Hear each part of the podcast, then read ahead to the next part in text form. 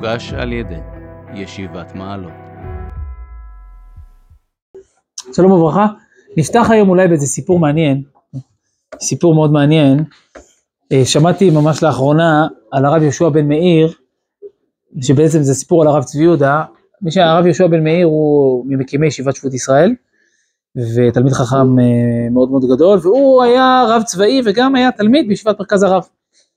אז ב-50 שנה אחורנית, במלחמת יום הכיפורים, הייתה מלחמה מאוד מאוד קשה, והוא היה, ראה, ראה דברים, כנראה דברים לא פשוטים. ותוך כדי המלחמה הייתה איזו הפוגה.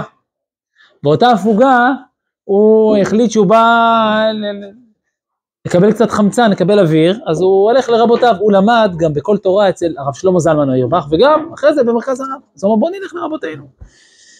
הגיע לרב שלמה זלמן אוירבך, וראה שהוא לא יכול, הוא צריך את הרב צבי יהודה בסוף, כן, הוא עכשיו נמצא בצומת דרכים לא פשוטה, צריך את הרב צבי יהודה, וככה החליט שהוא הולך לדרכו לרב צבי יהודה, מגיע לרב צבי יהודה, ושתיים בלילה, עכשיו השעה הייתה שתיים בלילה, עזר אומץ והחליט שהוא דופק בדלת, לא יכול להמשיך, המערכה תלויה גם בכשירות שלו, אז זה משהו שהוא ככה דחוף, דפק בדלת בשתיים בלילה אצל הרב צבי יהודה, והוא לא ענה לו, לא פתח לו, ודפק ודפק ודפק, אחרי שהוא פתח לו, לפני שהוא פותח כנראה היה שם איזה מין אה, אישון כזה קטן, הוא מסתכל ורואה אותו, הוא מסתכל, והוא רוצה לדעת מי דופק לי בשתיים בלילה. אז הוא אומר לו, זה אני, יהושע בן מאיר מהישיבה. הוא מסתכל עליו, הוא אומר לו, האם הבאת את החוזה? הבאת את המסמכים? מסמכים, אני לא הבאתי כלום. אתה אולי מתבלבל, יהושע בן מאיר, אני מה, מה, מהישיבה, מרכז הרב. אז הוא אומר לו, הבאת את החוזה איתך? החוזה נמצא אצלך, הוא חושב אולי שתיים בלילה. הוא היה גם לבוש כנראה בבגדים מאוד מלוכלכים וכולי. ואחרי זה הוא אומר לו, הבאת את החוזה, הבאת את החוזה. טוב, הוא רואה שזה, קל לו כל הקיצין, פתאום פותח את הדלת, הרב ציודה פותח את הדלת. ומכניס אותו, מושיב אותו לידו ושואל אותו, נו, איפה החוזה? הוא אומר הרב, אני לא יודע מה אתה רוצה חוזה, אני באתי מהמלחמה, יש לי דברים לא פשוטים שראיתי ורציתי לדבר עם הרב. אז הוא אומר לו, תראה, האם אתה חתמת חוזה עם הקדוש ברוך הוא על איך הוא רוצה להביא את הגאולה? חתמת איתו שהוא יש ערבים, ואתה עכשיו צריך להביא אותו ולראות אם הוא הפר את החוזה או לא הפר את החוזה. הוא אומר, הרי אין לנו חוזה עם הקדוש ברוך הוא, בכלל אנחנו לא יודעים איך הוא הולך להביא את הגאולה. אין לנו מושג איך הוא הולך להביא את הגאולה. מה שהוא עושה, אנחנו מקבלים באהבה, מתפללים כמובן והכל, אבל ברור לנו שאין לנו חוזה על איך הוא הולך להביא את הגאולה. ואז הוא בכה שמה, והוא למד איתו, וחיזק אותו וכולי. אני חושב שמי שרואה את הדברים של הרב צבי יהודה, כל המהלך בכלל שלו, והדברים עולים גם בקנה אחד בוודאי אצל הרב קוק, שבאמת אנחנו לא יודעים איך הגאולה הולכת להופיע. אין לנו מושג איך הדברים צריכים להופיע ואיך זה צריך לקרות. אבל בכל זאת, יש קשיים, עכשיו אנחנו, זה קושי די רציני, ו, וזה מתחבר לנו עם הפרשה, שהיא פרשת שמות, עם ישראל יורד למצרים. גם שם אין לנו מושג למה עם ישראל יורד למצרים, אבל הוא ירד, וזה היה לא, קשה, לא קל בכלל, הרבה מאוד שנים. חומר ולבנים, מלקות, עינויים, אז קל זה לא היה, אבל זה הייתה גלות. עכשיו כתבו, אנחנו נראה היום הרבה הרבה סיבות. זה עיקר השיעור יהיה בעיקר על למה הקדוש ברוך הוא הביא את גלות מצרים, מה הסיבה לגלות מצרים, נראה גם קצת בקבלה, גם בארי, גם בזוהר, חסידות, כתבי הרב קוק ועוד דברים אחרים. אבל אחרי שנראה את הכל, עדיין ישנו תמיד טעם כמוס אצל הקדוש ברוך הוא. ידוע תדע כי גר יהיה זרעך בארץ עולם ועבדו ועינו אותם 400 שנה, שמה זה הנחתה. הגלות הולכת להופיע, לא כתוב לנו למה ואיך ומה. אנחנו מנסים להרכיב את הפאזל האלוקי ולהבין קצת את, את המחשבה האלוקית עד כמה שאפשר, וכל דבר כזה הוא חלק מ. וככל שהוא גבוה יותר כמו כתבי הארי או הזוהר, אז זה נוגע יותר בשורש של הרצון האלוקי. אבל עדיין אחרי הכל יש איזה רצון תמיר ונעלם שאף פעם לא נדע למה הוא. בסדר? זה קבל את האמת ממי שאמרה תמימות כזו. אבל בכל זאת אנחנו כן מנסים קצת להבין, שאם נבין את זה אולי קצת נראה איך אפשר להתמודד עם מה שאנחנו נמצאים היום, שזה בטח לא גלות, אבל זה קצת הסתר פנים, או הרבה הסתר פנים, בתוך תהליך הגאולה. אז בואו נראה. פרשה שלנו מתחילה, ואלה שמות בני ישראל הבאים מצרימה את יעקב, איש וביתו באו. אגב, השמות האלה לפי הארי הקדוש הם ממש שמות שהיו להם עם סגולות, כל שם כמובן כמו שהתורה מתארת את סיבת קריאת השמות, וזה היו כוחות שניתנו לאותם שבטים שאיתם ירדו למצרים ובזכותם הם נגאלו ובזכותם אנחנו נגאלים. זאת אומרת, כל אחד מהם נותן כוח שמבטא את השם שלו ודרכו אנחנו מתמודדים עם כל הקשיים. ויום את יוסף וכל אחיו, בני ישראל פרעו וישרצו וירבו ויעצמו מאוד מאוד ותמלא הארץ אותם. היו שראו בזה ש"ותמלא הארץ אותם", מדרשים כאלו, וגם אחרונים, הנציב ועוד אחרים, שבגלל שעם ישראל הפך להיות, איפה יעקב רצה שעם ישראל יהיה בהתחלה? יוסף לפחות רצה בתכנית? ארץ גושן, מובדלים. והם התמלאו בכל הארץ, רצו להיות חלק מהתרבות המצרית, ותמלא הארץ אותם. אומר הנציב, הם הפכו להיות ממש חלק מהאומה. עד שבמכת בכורות היה צריך לשלוף אותם, כל אחד מהמקום שלו. והיו ממש חלק בלתי נפרד ממצרים. כשאתה חלק בלתי נפרד, אז זה ממש לקרוע אותך, אתה כבר סוג של, סוג של מצרים, סוג של, עלה לו עובדי עבודה זרה, ועלה לו עובדי עבודה זרה. זה הפסוק.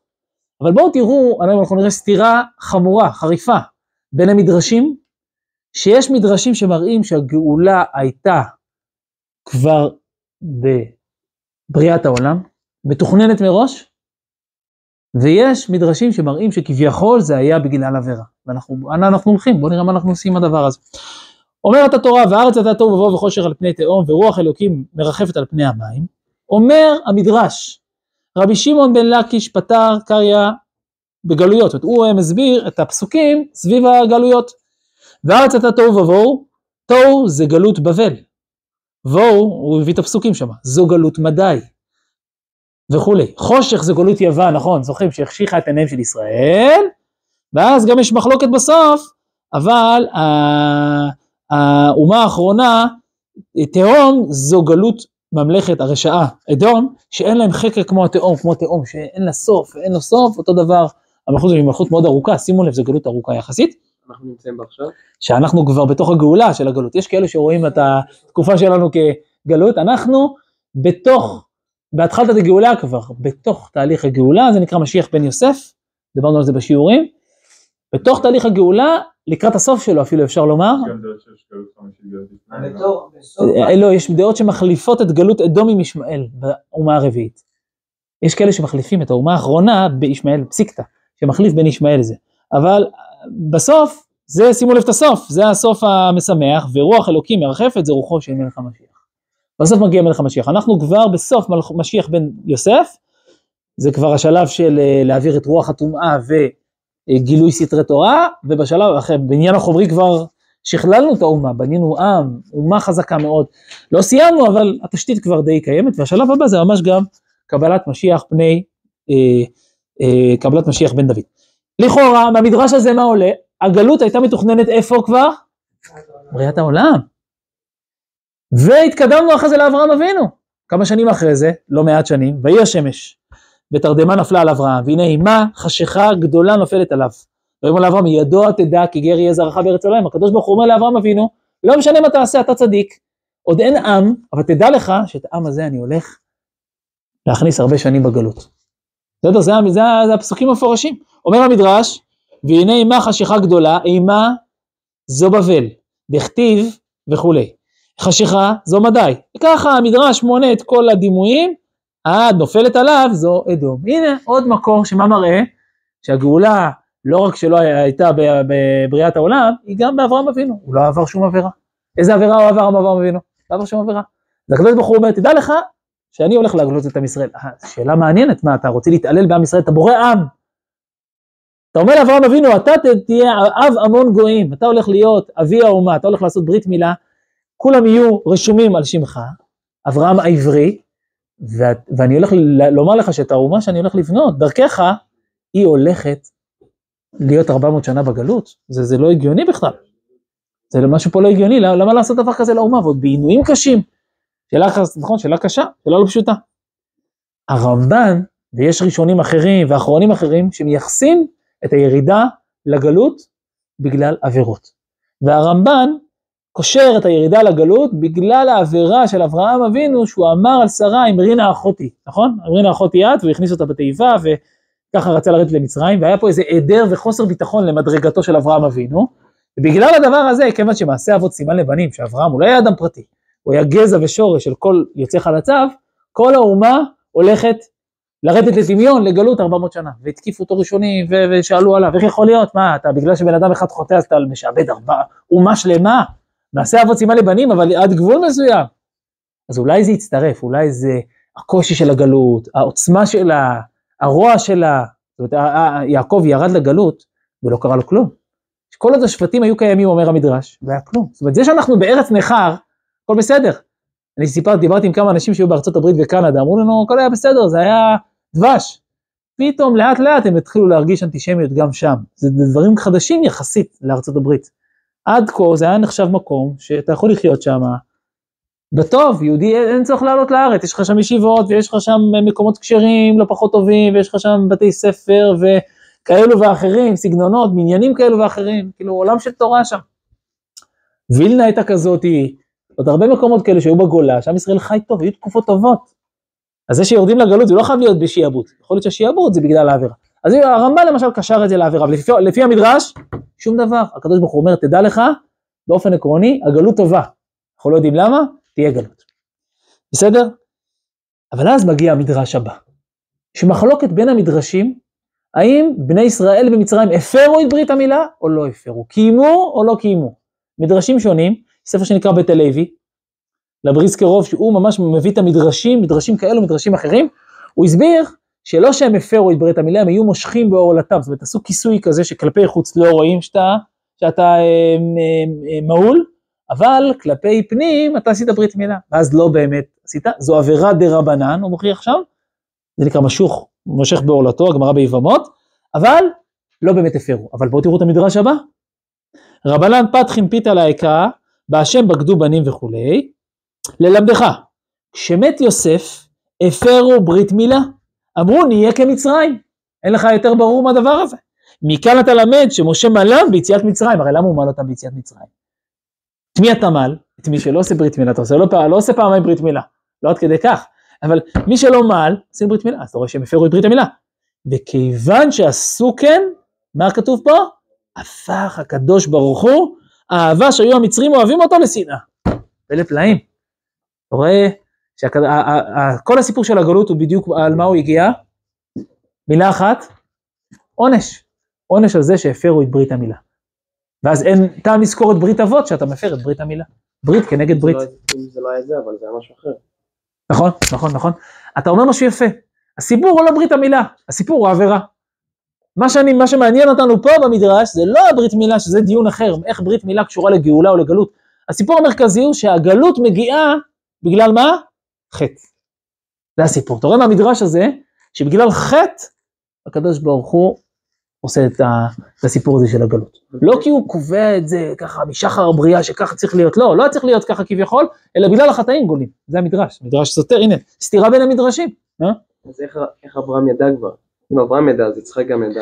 אז ההסבר לזה באמת שנותנים, שהקדוש ברוך הוא רק מודיע לאברהם, תדע לך, אני רק מודיע לך, לא שאני קובע, תדע לך, אני הרי אין אצלי עבר, הווה ועתיד, הבנים שלך הולכים לחטוא, והם הולכים לרדת לגלות מצרים. תדע, רק תדע, אני רק מודיע לך. אם אברהם אבינו היה חוזר בזמן, הוא היה מגיע ורואה את עם ישראל ממש מפר את ברית המילה לפי המדרש הזה. הקדוש ברוך הוא אומר לך, תשמע, רק תדע לך, אתה לא עשית כלום, הבנים שלך יעשו ויקבלו גלות. אבל זה לא הפרשנות של המדרש הראשון. לפי המדרש הראשון, הגלות מגיעה, בגלל מה? בלי כלום.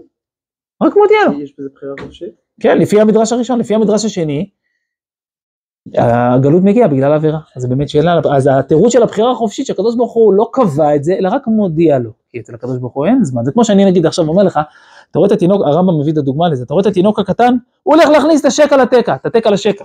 איך אני יודע את זה? אני רואה את זה, זה הולך לקרות. לא שאני קובע שזה יקרה, אלא פשוט אני אומר, הקדוש ברוך הוא אומר רק תדע לך, אני אין לי בעיה של זמן, אני כבר נמצא בעתיד, אני כבר נמצא בגאולה, אני אומר לך, הבנים הולכים לגלות. זה, זה מתרץ את העניין של, ה, של הבחירה וידיעה. אבל אם, סליחה, כן. אני נוטה מהנושא, אבל זה. אם, בני ישראל ידעו שהם עומדים לענות אותם וכל זה על דבר מסוים, זה מאוד פסיכולוגי, אז אין, כאילו ממש אין מה לעשות, כאילו, כן, אתה אומר, אתה אומר, ברגע שאתה יודע שאתה הולך לגלות, זה אז רק עניין של מה, כאילו. זה רק עניין של מה. אז זה, זה, עכשיו הם כבר, אגב, הם בתוך הגלות, זה לא שהם הולכים לגלות. עם ישראל הפרו את ברית המילה לכאורה במצרים, אז הם כבר בתוך הגלות. זה לא שהגלות כבר קרתה עוד שהם שם, אלא מה אתה רואה? שיכול להיות שמדובר על עוצמת הגלות. זאת אומרת, הם יהיו בגולה, זה, זה לא שאלה. ידוע תדע, רק מה? מי אמר שישתעבדו בך? הנה, האחים לא השתעבדו בהם, יעקב לא השתעבדו בו. אתה מפר את ברית המילה, השתעבדו בך. אבל זו לא הסיבה לגלות, נכון? כי הגלות עוד התחילה לפני שהם התחילו להפר את ברית המילה, הגלות התחילה בירידת יעקב. אומר המהר"ל בנצח, בנצח ישראל, גלות זה שעם ישראל לא בארצו. יעקב יורד עם הפמליה למצרים, מתחילה הגלות. סופרים את זה עוד לפני כן, אבל מבחינה הגדרתית, הגלות מתחילה בירידת יעקב למצרים. מה? לא, זו שאלה אחרת באמת, זה באמת שאלה אחרת, לא, לא ניגע בזה עכשיו, זה באמת סוגיה אחרת. אה, למה יש גבול על זה שיטת הרמב"ן? הוא אומר שהלבנים יש להם גבול, הרי זה 500 שנה לפי רש"י. יפה, אתה אומר כאילו, לפי השיטה של הרמב"ן, שגם פוקד עוון, אבל לא רק זה, על העניין של מעשה אבות סיבה לבנים, זה אין לזה שיעור, לכאורה מעשה אבות. לא ל- איפה יש להם עוד דימוי לזה? מ- מ- איפה יש לנו דימוי לזה שמישהו העלים את הברית מילה שם, הסתיר אותה? לא. נכון, לא רואים את זה, לא רואים את זה, ועוד אברהם או זה שקיים. אבל המעשה אבות סיבה לבנים לא חייב להיות בהעתק הדבק לדבר עצמו, כמו שיכול להיות שאם אתה חטאת למדרגתך, אז בני ישראל שיהיו הרבה מתחתיך, יקבלו עונש על החטא שלהם. זאת אומרת, יהיה משהו שיהיה קשור לדבר הזה.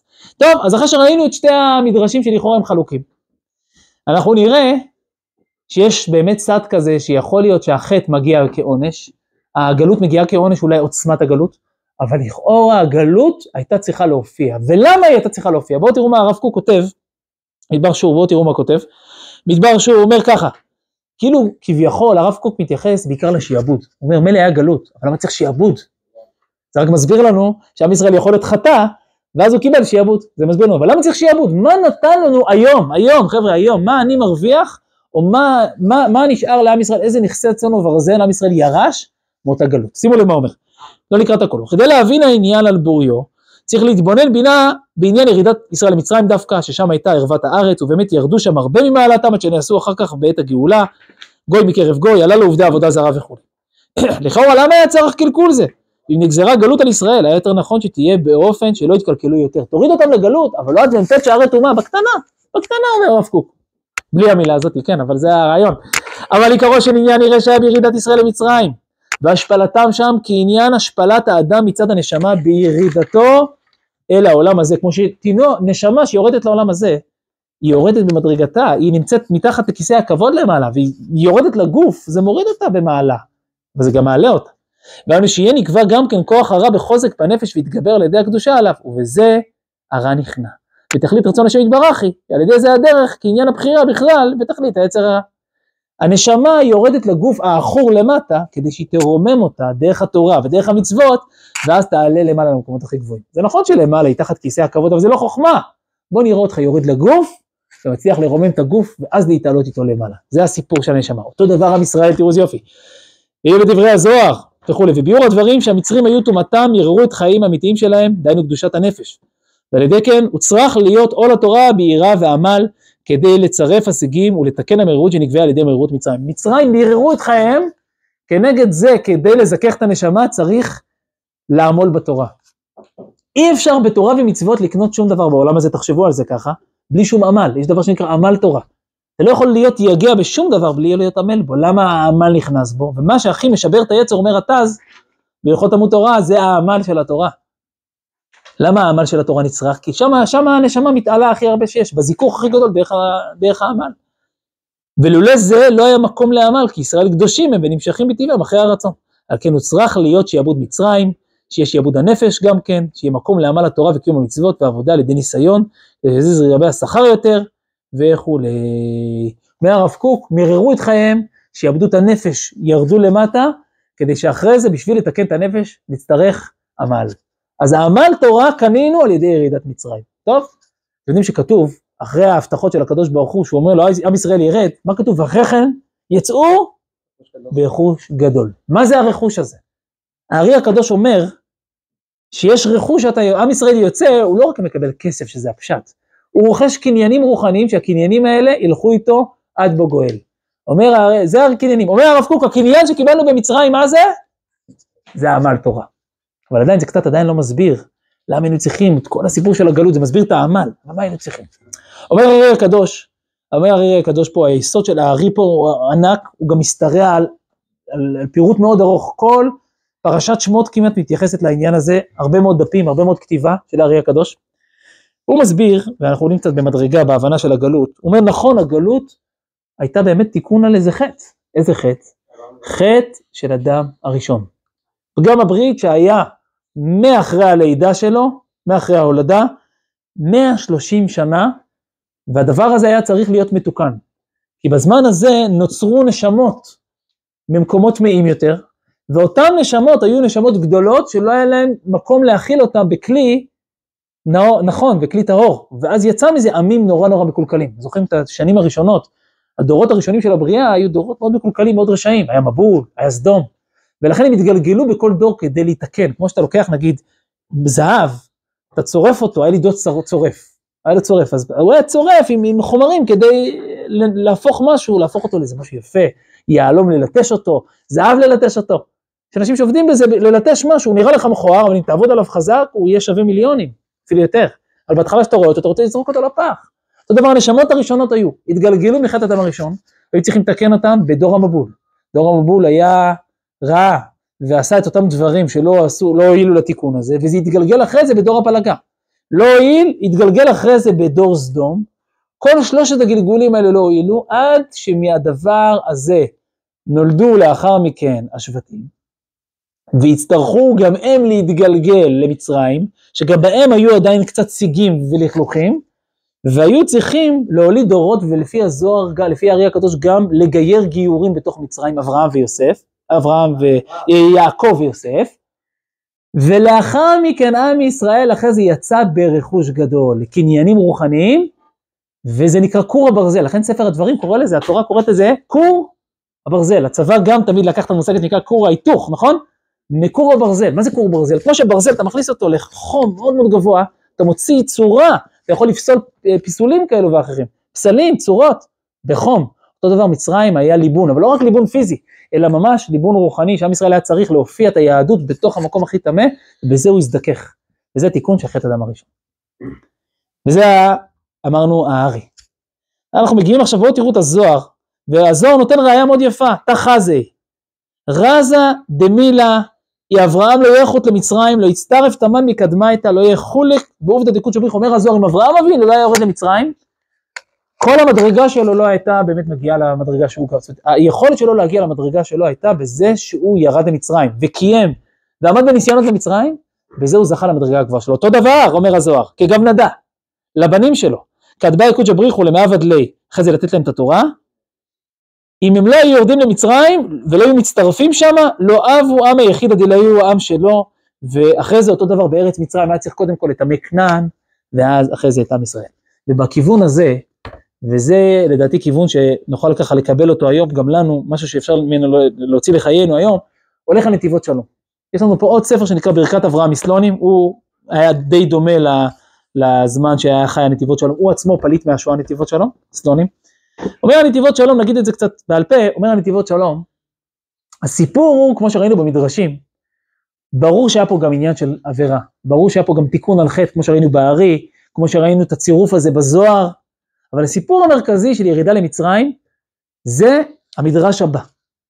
ואלה שמות בני ישראל הבאים מצרימה, זה נאמר בפסוק, חוסך, חוסך, חוסך שבטו, שונא בנו, ואוהבו שוחרו מוסר. זאת אומרת, אדם שאוהב את הבן שלו, הוא נותן לו מלקות, בעבר זה היה מלקות, היום גם בחוקי המדינה וגם בהבנה של הדור שלנו היום, בטח מכות לא עוזרות, אבל חינוך, שאתה מחנך את הבן שלך, אתה, יש מחיר לכל דבר, אתה, אתה מחנך אותו שהוא צריך לקחת אחריות על החיים שלו. אדם שרק מוותר, והמדרש מונה אנשים שוויתרו, דוד המלך, אבשלום, אברהם, ישמעאל, אנשים שמרוב האהבה שלהם ומרוב החיבה שרכשו לבן, גרמו לוותר לבן שלהם, אמרו מה אני אקפיד עליו, חבל, הוא חמוד כל כך, הוא כל כך נחמד. ואם אתה לא, מבט... אתה לא מחנך אותו ולא לפעמים גם מקפיד ו... ודורש ממנו דברים, גם לפעמים נותן לו עונשים, או נותן לו, שיהיה לו אחריות על הדברים שהוא עושה, בסוף אתה שונא אותו או הוא שונא אותך. אולי זו דוגמה קיצונית לשנוא, אומר המדרש, אבל הכוונה, הוא מקפיד עליך, למה לא? אתה תראו הרבה ילדים שמתחתנים, אומרים, למה אתם לא עשיתם לנו ככה וככה, איך נתתם לנו, איך... תלונות כאלו שיש.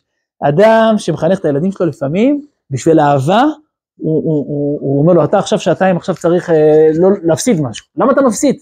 קשה לך לגרום לו להפסיד, אבל בזה שאתה גורם לו להפסיד משהו, אתה גורם לו פעם הבאה לעשות את אותו עבירה, את אותו בעיה. אומר המדרש, זה הכל מאהבה, אהבתי אתכם אמר השם, שהוא מרבה אותם בייסורים, אתה מוצא שלוש מתנות טובות נתן הקדוש ברוך הוא לישראל, וכולנו נתנה מהם אלא על ידי ייסורים, תורה, ארץ ישראל וחלום, למה צריך לקבל ייסורים כדי לקבל חיי עולם הבא, ארץ ישראל והתורה? למה, למה צריך לקבל את הדבר הזה? כי הקדוש ברוך הוא אוהב אותנו, והוא רוצה לצרוף אותנו, משתי כיוונים, אחד, זה לפעמים יש לנו עבירות, הוא רוצה שלא יהיו לנו עבירות לעתיד לבוא בעולם הבא, הוא מעדיף לתת לנו בעולם הזה, אבל הנתיבות שלא מחדש, לפי ספרי הפנימיות, שבשביל לקבל את התורה צריכים להיות זכאים. אי אפשר לבוא ככה לקבל את התורה. אי אפשר לקבל את התורה בהר סיני, צריך קודם כל קצת להצטרף. איך אתה מצרף בן אדם? שקצת אתה אוכל פחות, וקצת אתה ישן פחות, וקצת קשה לך.